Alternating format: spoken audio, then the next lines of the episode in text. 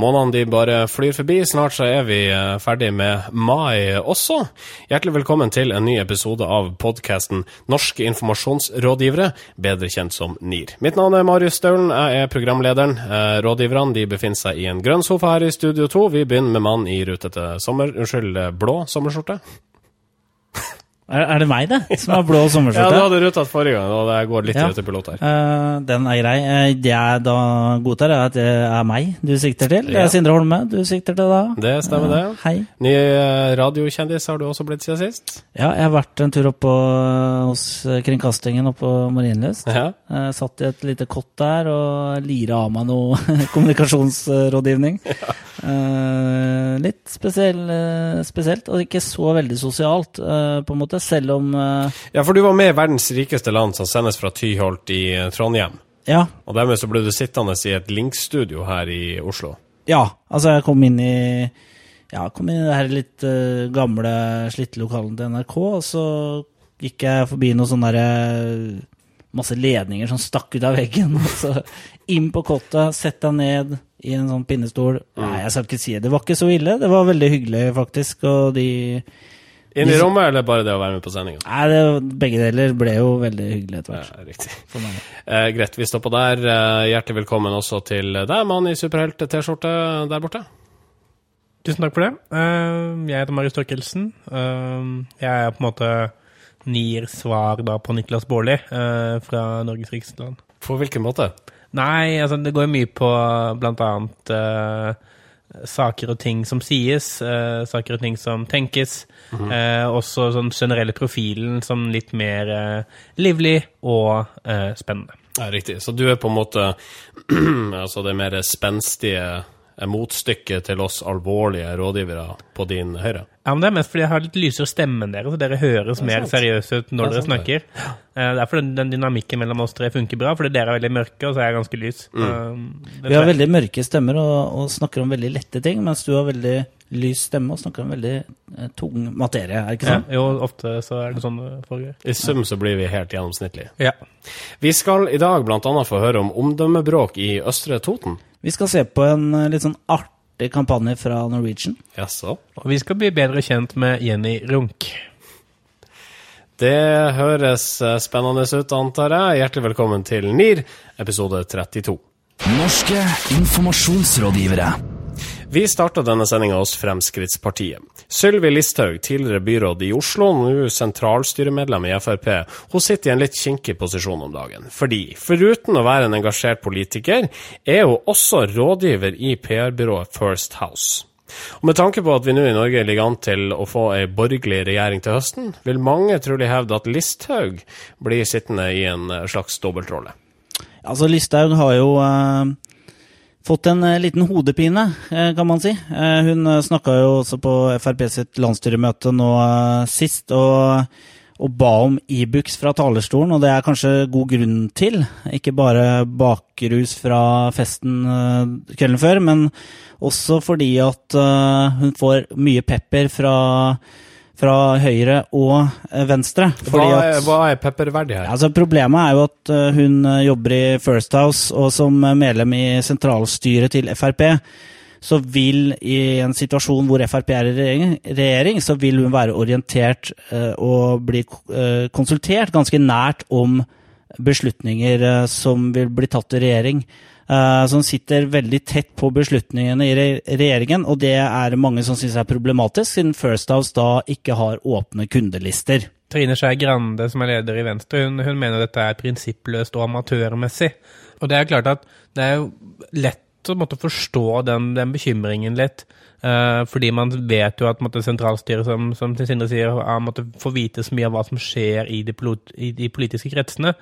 Og spesielt fordi Norge er så lite uansett, så vil jo eh, det om at man er et parti som er i regjeringsmakt og sitter i en halvsentral stilling, faktisk være med på å eh, gi deg en eller annen form for uformell påvirkningsmakt. Da. På en annen side så, så levner jo ikke dette her Listhaug så veldig mye det kredibilitet eller ære, fordi eh, det blir jo framstilt som om fordi hun sitter i to roller, så vil hun ikke klare å la være å blande sammen det.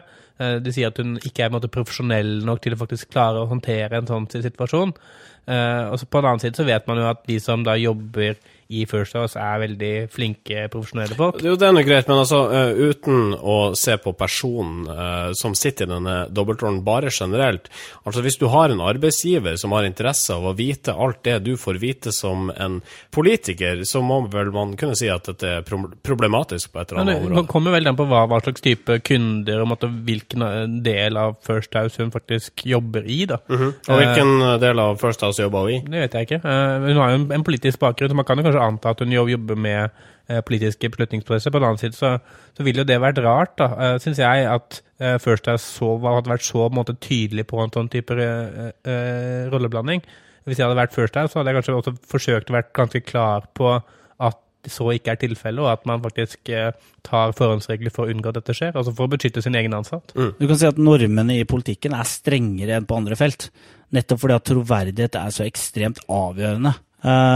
men det er klart, og Frp har hatt en dårlig uke med uh, mye rot. Uh, og Kan dette her skade Frp ytterligere, med tanke på hva vi vet om folkemeninga rundt PR-bransjen? Jeg, jeg, tenker at det må være en grunn til at dette har skjedd, fordi uh, altså Siv Jensen og FrPs valgkomité altså de er, de er, jo klare over hva forholdene var før de valgte å gi henne fornyet plass i sentralstyret. Og de må også ha en eller annen tanke bak det. tenker jeg måte Det er da tenkt at hun skal trekke seg fra First House hvis uh, Frp får uh, regjeringsmakt, eller om det er en eller annen løsning i kulissene. Det ser jeg for meg at det er. Mm. Uh, for foreløpig så har det jo ikke noe innflytelse. Eh, det må man jo også huske på. Eh, så det er en sånn potensiell diskusjon. Da. Ja, Men når, når, disse sakene her kommer til overflata, bør det kanskje kommuniseres tydeligere fra Frp-hold? Jo, men det er litt håpløst. da, fordi altså, Hvis de ikke skulle vinne valget, da, ikke skulle, ikke skulle gå bra, så har jo Sylvi Listhaug lyst til å fortsette å jobbe i First House. Mm. Hvis de kommer i regjeringsmakt, så kan hun kanskje ikke gjøre det. Ja. Og, det, og det vet man jo ikke ennå. La meg spørre dere dette. Er, og vi begynner med Marius. Er det habilitetsproblemer forbundet ved det å være sentralstyremedlem i Frp og uh, rådgiver i First House? Jeg, jeg, tror at uh, ikke jeg, jeg, tror ikke habilitetsproblemene først og fremst oppstår på bakgrunn av det. Det tror jeg henger med sammen med hvordan type person man er. Uh, og jeg tror det er mange sentralstyremedlemmer i Frp som har betydelige uh, næringspolitiske tilknytninger, som kanskje går utenpå det Sylvi Listhaug er. Uh, så hun blir litt sånn urettferdig, kanskje litt sånn poster child for disse habilitetsdiskusjonene. Mm. Problemet er jo ikke, problemet er ikke så stort når Frp er i posisjon. Eller i opposisjon, mener jeg, fordi at da må de svare for sin egen politikk. Uh, hele veien. Uh, mens i regjeringssituasjonen så vil jo man kunne reise tvil til hvorfor Frp inntar et standpunkt uh, som de da selger inn overfor de andre regjeringspartnerne. Mm. Sånn at Venstre og Høyre og KrF da skal kjøpe et argument som da har noen bakenforliggende føringer som man ikke vet om, da. Vi er jo generelt her i NIR opptatt av liksom ikke å avmystifisere PR-bransjen, men akkurat det, akkurat det tilfellet her så syns jeg det virker litt sånn uryddig å ri de to hestene. da. Mm. Så dere er av litt forskjellige oppfatninger her, mine to rådgivere? Ja, det kan vi vel være enige om? Eller skal vi ikke være enige om det? Nei, la oss enige om det. Uh, vi prøver oss på en tommel opp eller tommel ned før Listhaug. Tommel opp. Tommel ned. Norske informasjonsrådgivere. Da tar norske informasjonsrådgivere turen til Østre Toten. Folkevalgte der borte blir i et strateginotat oppfordra til kun å uttale seg positivt om saker når de opptrer i det offentlige rom. De negative sakene skal de ta på bakrommet, dette for å bedre Østre Totens omdømme. Eh, ikke tro at slike ting eh, ikke havner i avisa, for saken eh, har fått oppmerksomhet i Oppland Arbeiderblad. Ja, eh, kommunestyrerepresentant eh, og leder da, av Østre Toten eh, kommunes kontrollutvalg, eh, Terje Bråten fra Ap, han mener at dette her minner om nordkoreanske tilstander. Jaså?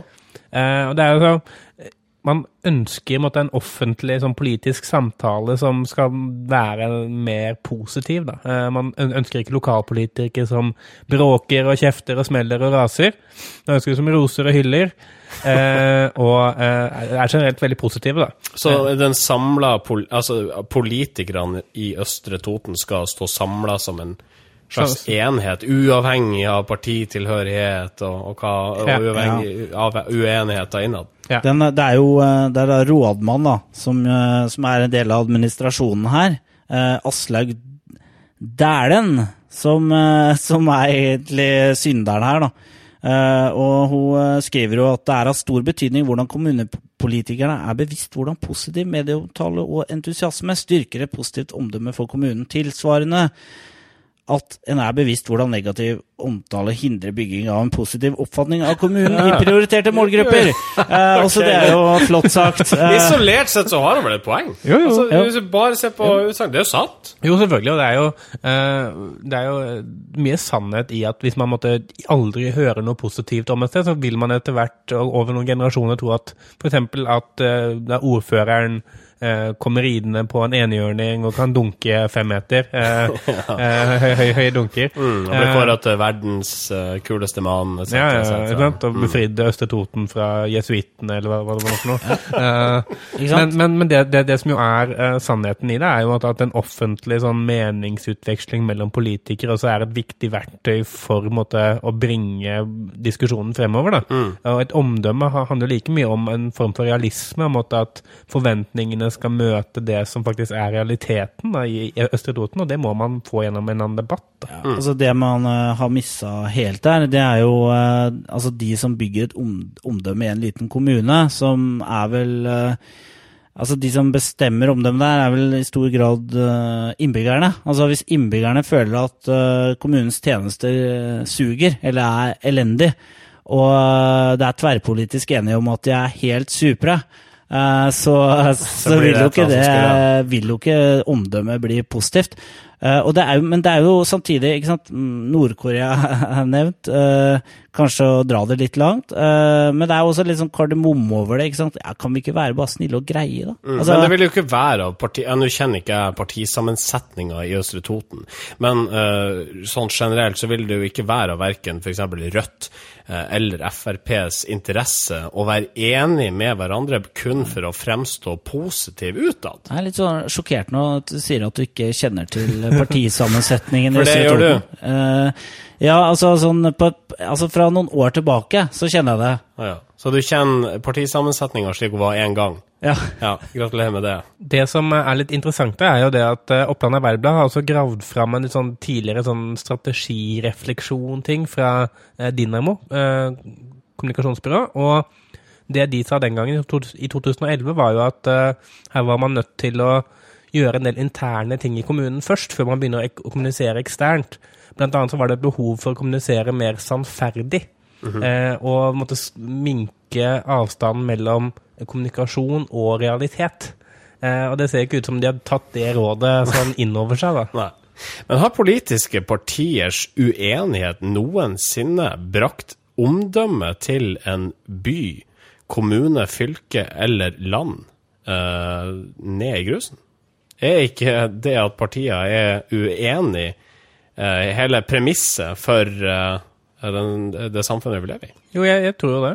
Eh, men altså eh, Partiene i små kommuner er jo kjent for å, å, å, være, å, å klare å inngå kompromisser i enkeltsaker. Og det vil jeg tro at det er jo ikke pga. handlingslammelse eller at ikke de blir enige om noe som helst, som gjør at uh, rådmannen går ut på den måten her. Det er vel eh, ja, det er vel for å prøve å få litt mer positiv oppmerksomhet rundt det kommunen gjør. Uh, og, og Ironisk det, nok. Uh, ja. Så skal vi vel ikke glemme at rådmannen strengt tatt ikke er noe annet enn en administrativ uh, posisjon. Nei, og det er jo det de folkevalgte reagerer på her, at måtte, administrasjonen i kommunen skal diktere hva de sier i det offentlige rom. Det var vel mer et forslag, var det ikke det? Jo, men det er jo en måte, altså, det er noe som står i et strategidokument som skal vedtas nå øh, de kommende dagene, så det er jo på langt på vei i hvert fall, øh, selv som forslag, da, så er det tydeligvis noe som er helt uakseptabelt.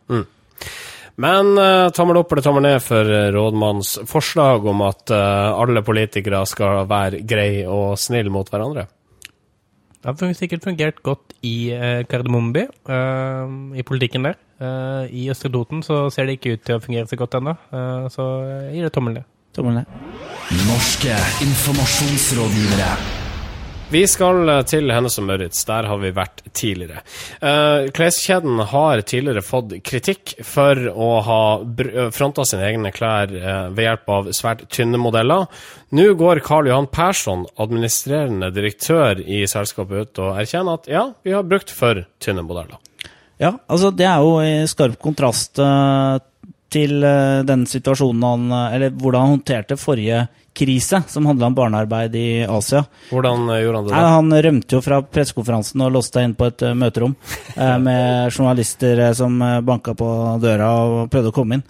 nå er han mye mer offensiv og sier at jeg tykker vi har et gjetteansvar, sier han. altså, han sier ikke bare at de har et ansvar, men faktisk et kjempeansvar mm. for å ta tak i dette eh, skjønnhetsidealet, da. Eller å bruke altfor tynne modeller. Mm. Ja, eh, og det ansvaret det har de tatt gjennom å ansette eller bruke en såkalt plus size-modell i en kampanje. Eh, denne modellen heter eh, Jenny Runk.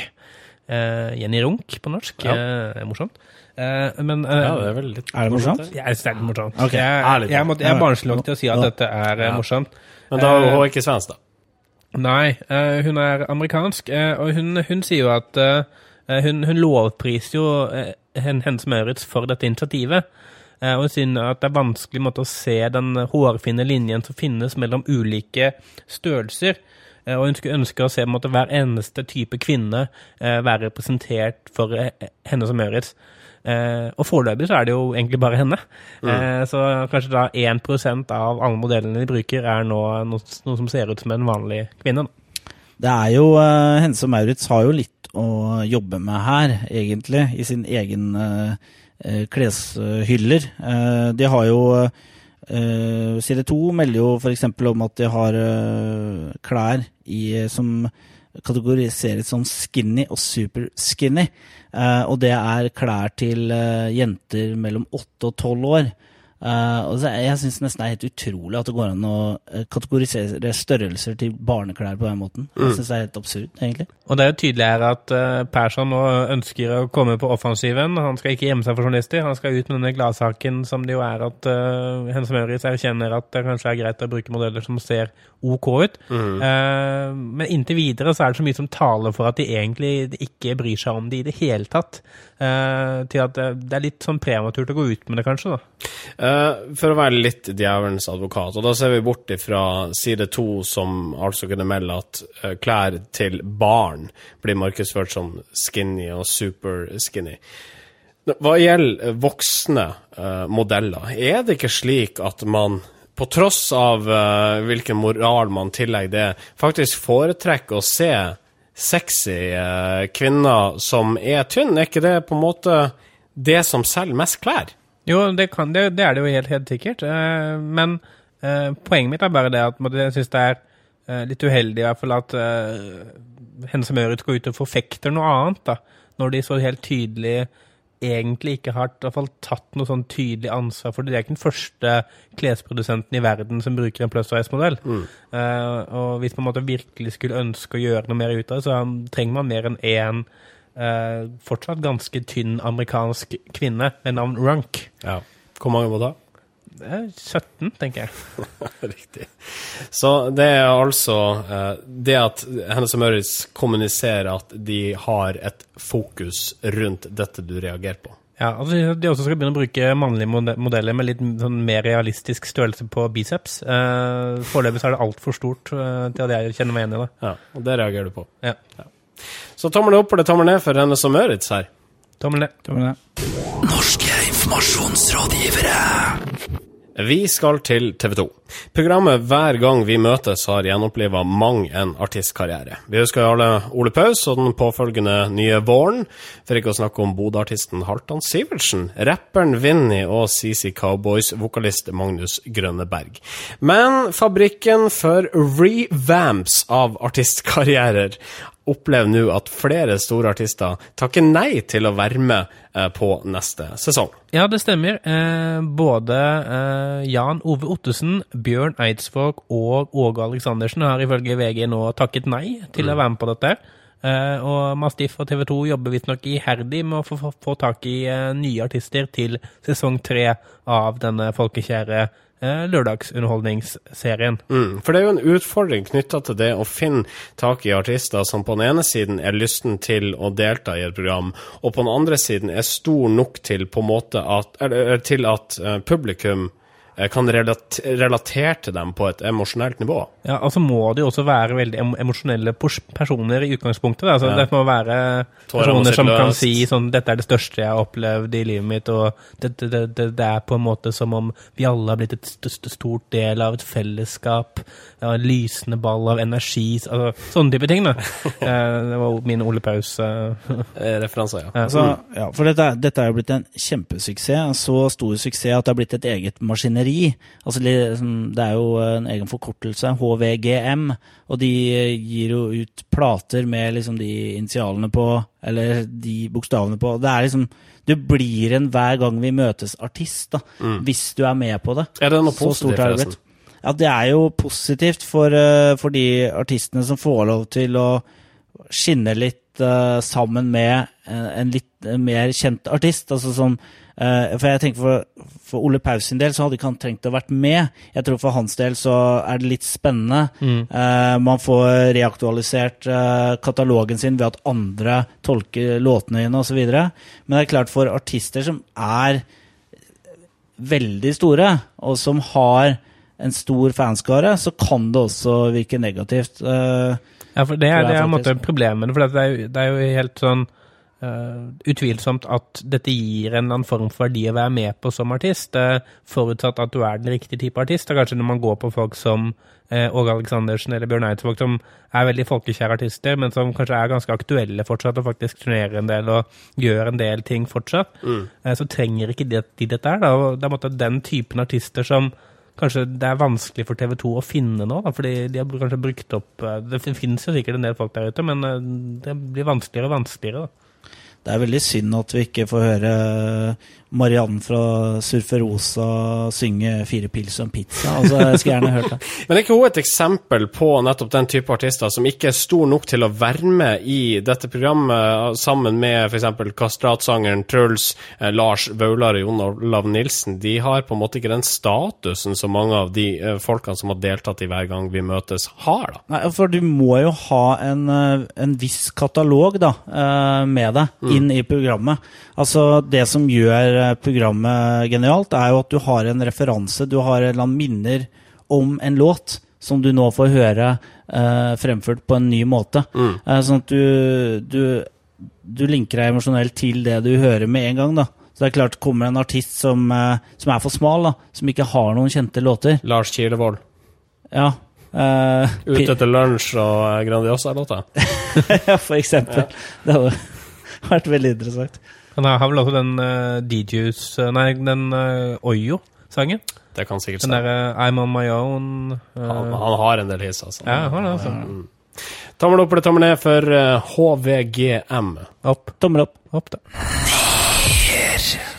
Vi skal til uh, Sverige. Den 8. juni så gifta prinsesse Madeleine seg med Christopher O'Neill.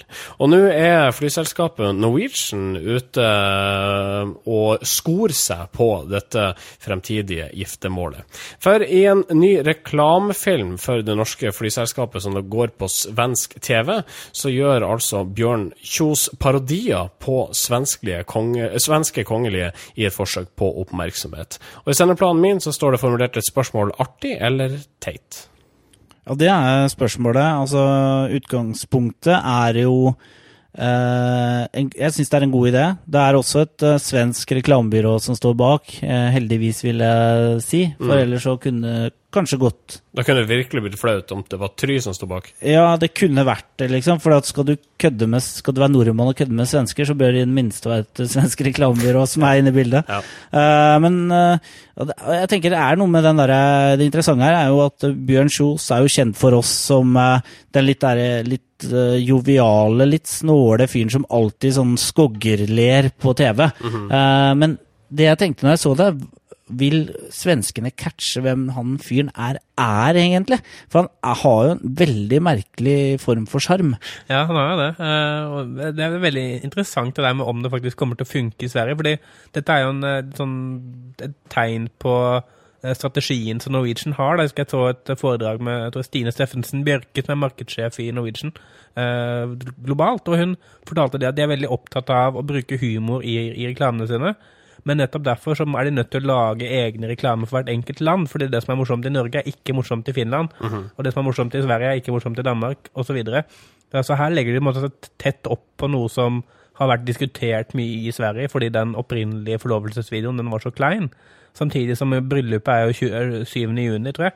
Eh, Så det er, det er ikke så veldig lenge til heller. Så de legger seg måte tett oppå en, en svensk stor hendelse, prøver å gjøre humor på det. Og det er en interessant strategi, for mange lager bare sånn one fit all-reklamer for alle markedene sine, og så blir det bare rart. Funker det for dere som bor i Norge og veit hvem Bjørn Kjos er? Er det funny for dere? For min del funker det for så vidt, altså. Ja, jeg, jeg syns det er litt rart, det må jeg si. Men det er en litt sånn, litt sånn random, eh, rar greie da, som gjør at det kan være morsomt. Eh, Jeg tror at den svenske kongefamilien er egentlig noe man kan kødde med i Sverige.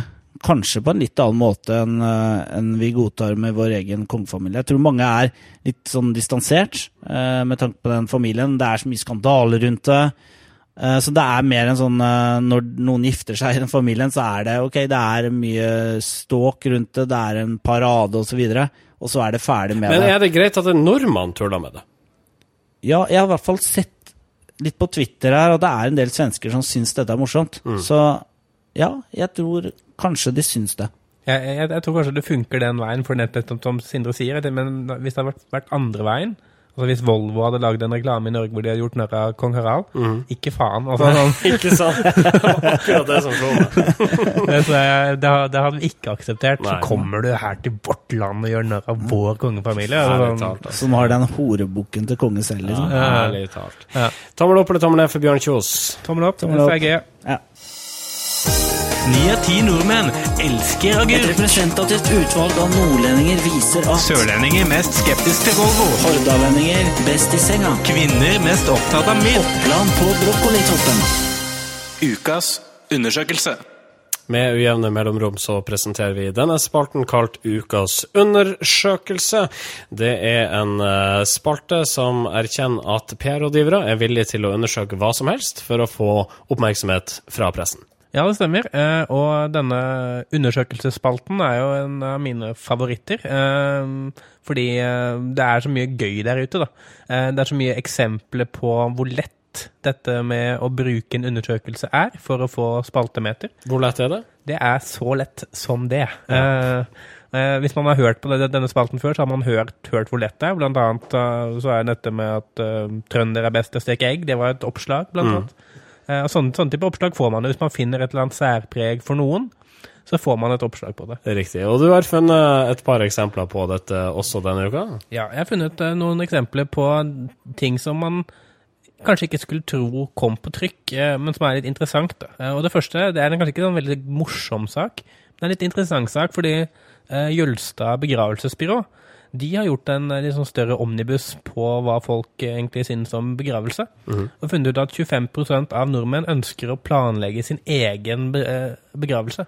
Riktig. Eh, det fikk de et eh, oppslag på i Vårt Land, eh, som måtte, brukte dette som, som vinkling. Eh, og jeg, jeg syns det er litt rart for et begravelsesbyrå å måtte komme ut med altså en undersøkelse som undergraver deres eget business da. Ja. Men også begravelsesbyrået trenger eh, PR, antar vi. Jo, det, det stemmer, det. Mm. Du har flere eksempler? Ja, et, eh, et eh, eksempel som jeg tror gleder landets mange innbruddstyver, det er det at Falk de har gjort en undersøkelse på hvor mange som faktisk gidder å skru på alarmen sin eh, når de forlater huset. Og det viser at halvparten av måtte, boligeierne med alarm de eh, unnlater å skru den på når de forlater huset. Eh, så hvis du er tyv og du kommer opp til et eh, sted hvor det er alarmklistremerke, så er det 50-50 hvorvidt eh, den faktisk er på. Ja. Sindre Holme, hva er hensikten med f.eks. denne siste saken? her? Hva er det folk ønsker å oppnå? Men, jo, de ønsker jo at uh, Få oppmerksom rundt at alarm er litt viktig, da. Uh, men uh, de holder jo ikke bare å kjøpe alarmen, men det lønner seg også å sette den på. Mm. Har du flere eksempler der borte? Ja, ja, en siste som kanskje er som personlig for meg den minst sånn interessante saken. eh, fra den uka som har gått. Og den viser at eh, av ti nordmenn synes boliger med oljefyr er mindre attraktive enn boliger uten. Eh, ok, og det er hvem, hvem er det som har eh, fått denne på trykk, da? Det er Enova som har vært ute og skodd seg med litt uh, energiviten. Riktig. Merkelig timing. Det er jo så varmt nå at eh, jeg skulle ikke tro at det hadde nyhetens interesse. Nei? Det er, det er mulig det er et sesongavhengig spørsmål. Hvis man spør sånn i januar, så Ja, ikke sant? Da hadde svaret vært det stikk 100 motsatte. vil ha oljefyr. Ah, det er fantastisk med oljefyr. Spør når det er 25 grader. Jeg hater oljefyr. Vi venter med å selge inn den her til mai, så får vi det vi vil ha. Tusen hjertelig takk for eh, oppdateringa rundt eh, undersøkelser eh, fremsatt av eh, PR-folk. Vær så god. Ukas kudos. Ukas kudos går til hubspot.com. Hvorfor det?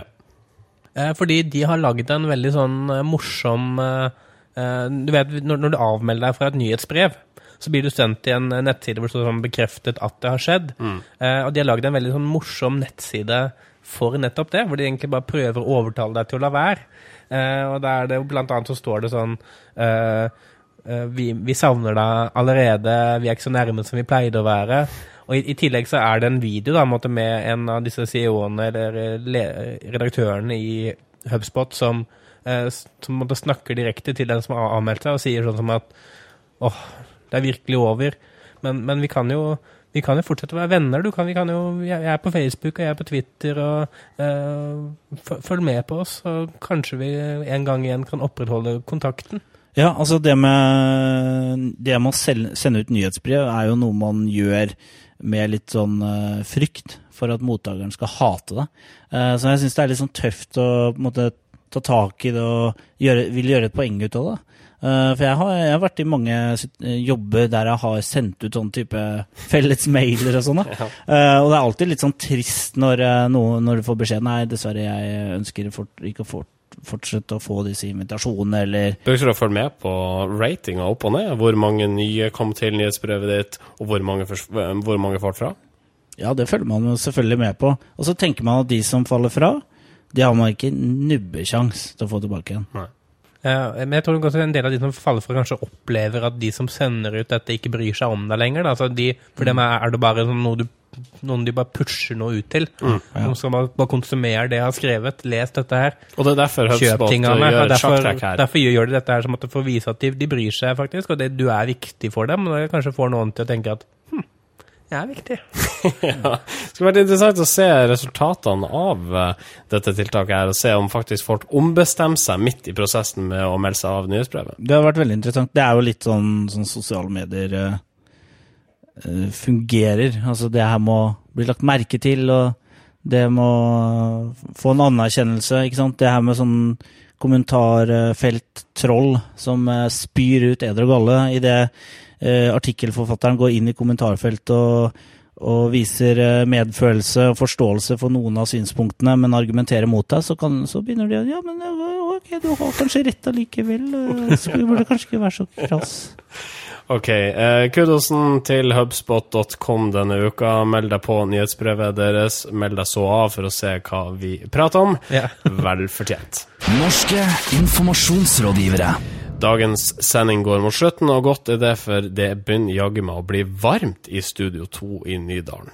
Det gjør det. Eh, jeg svetter bort. Jeg er blitt dehydrert i løpet av denne sendingen. Ja. Og i tillegg så opplever jeg kanskje at eh, eh, varmen vi opplever nå, den er nok på det mest intense. Det er en sånn drivhuseffekt inni dette studioet. Ja. Uh, du tenker på varmen vi opplever inne i Studio 2, ikke ute i Nydalsaura her. Nei, bare Så, i studio. jeg tror at eh, hvis Per-Willy Amundsen hadde vært her nå, så ville han sagt at ja, det her er menneskeskapt. Altså er deres egen kroppsvarme. Husk at du kan abonnere på oss i eh, iTunes. iTunes.com, antar jeg, eller bare gå inn i programmet. Eh, men vi har uh, ei adresse på SoundCloud for den som foretrekker den måten å høre podkasten på.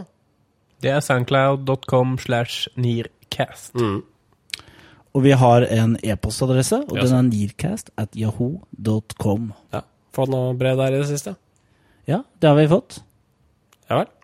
Og vi har ei Facebook-adresse, facebook.com slash nearcast. Ja, og takk for alle innspill eh, og tips til ting vi skal snakke om. Eh, vi valgte å ikke gjøre det denne gangen. Ja. Men det er notert. Det er notert. Bak øret. Ja, absolutt. Mitt navn er Marius Staulen. Sindre Holme. Marius Torkelsen. Ha en fortsatt fin dag. Norske informasjonsrådgivere.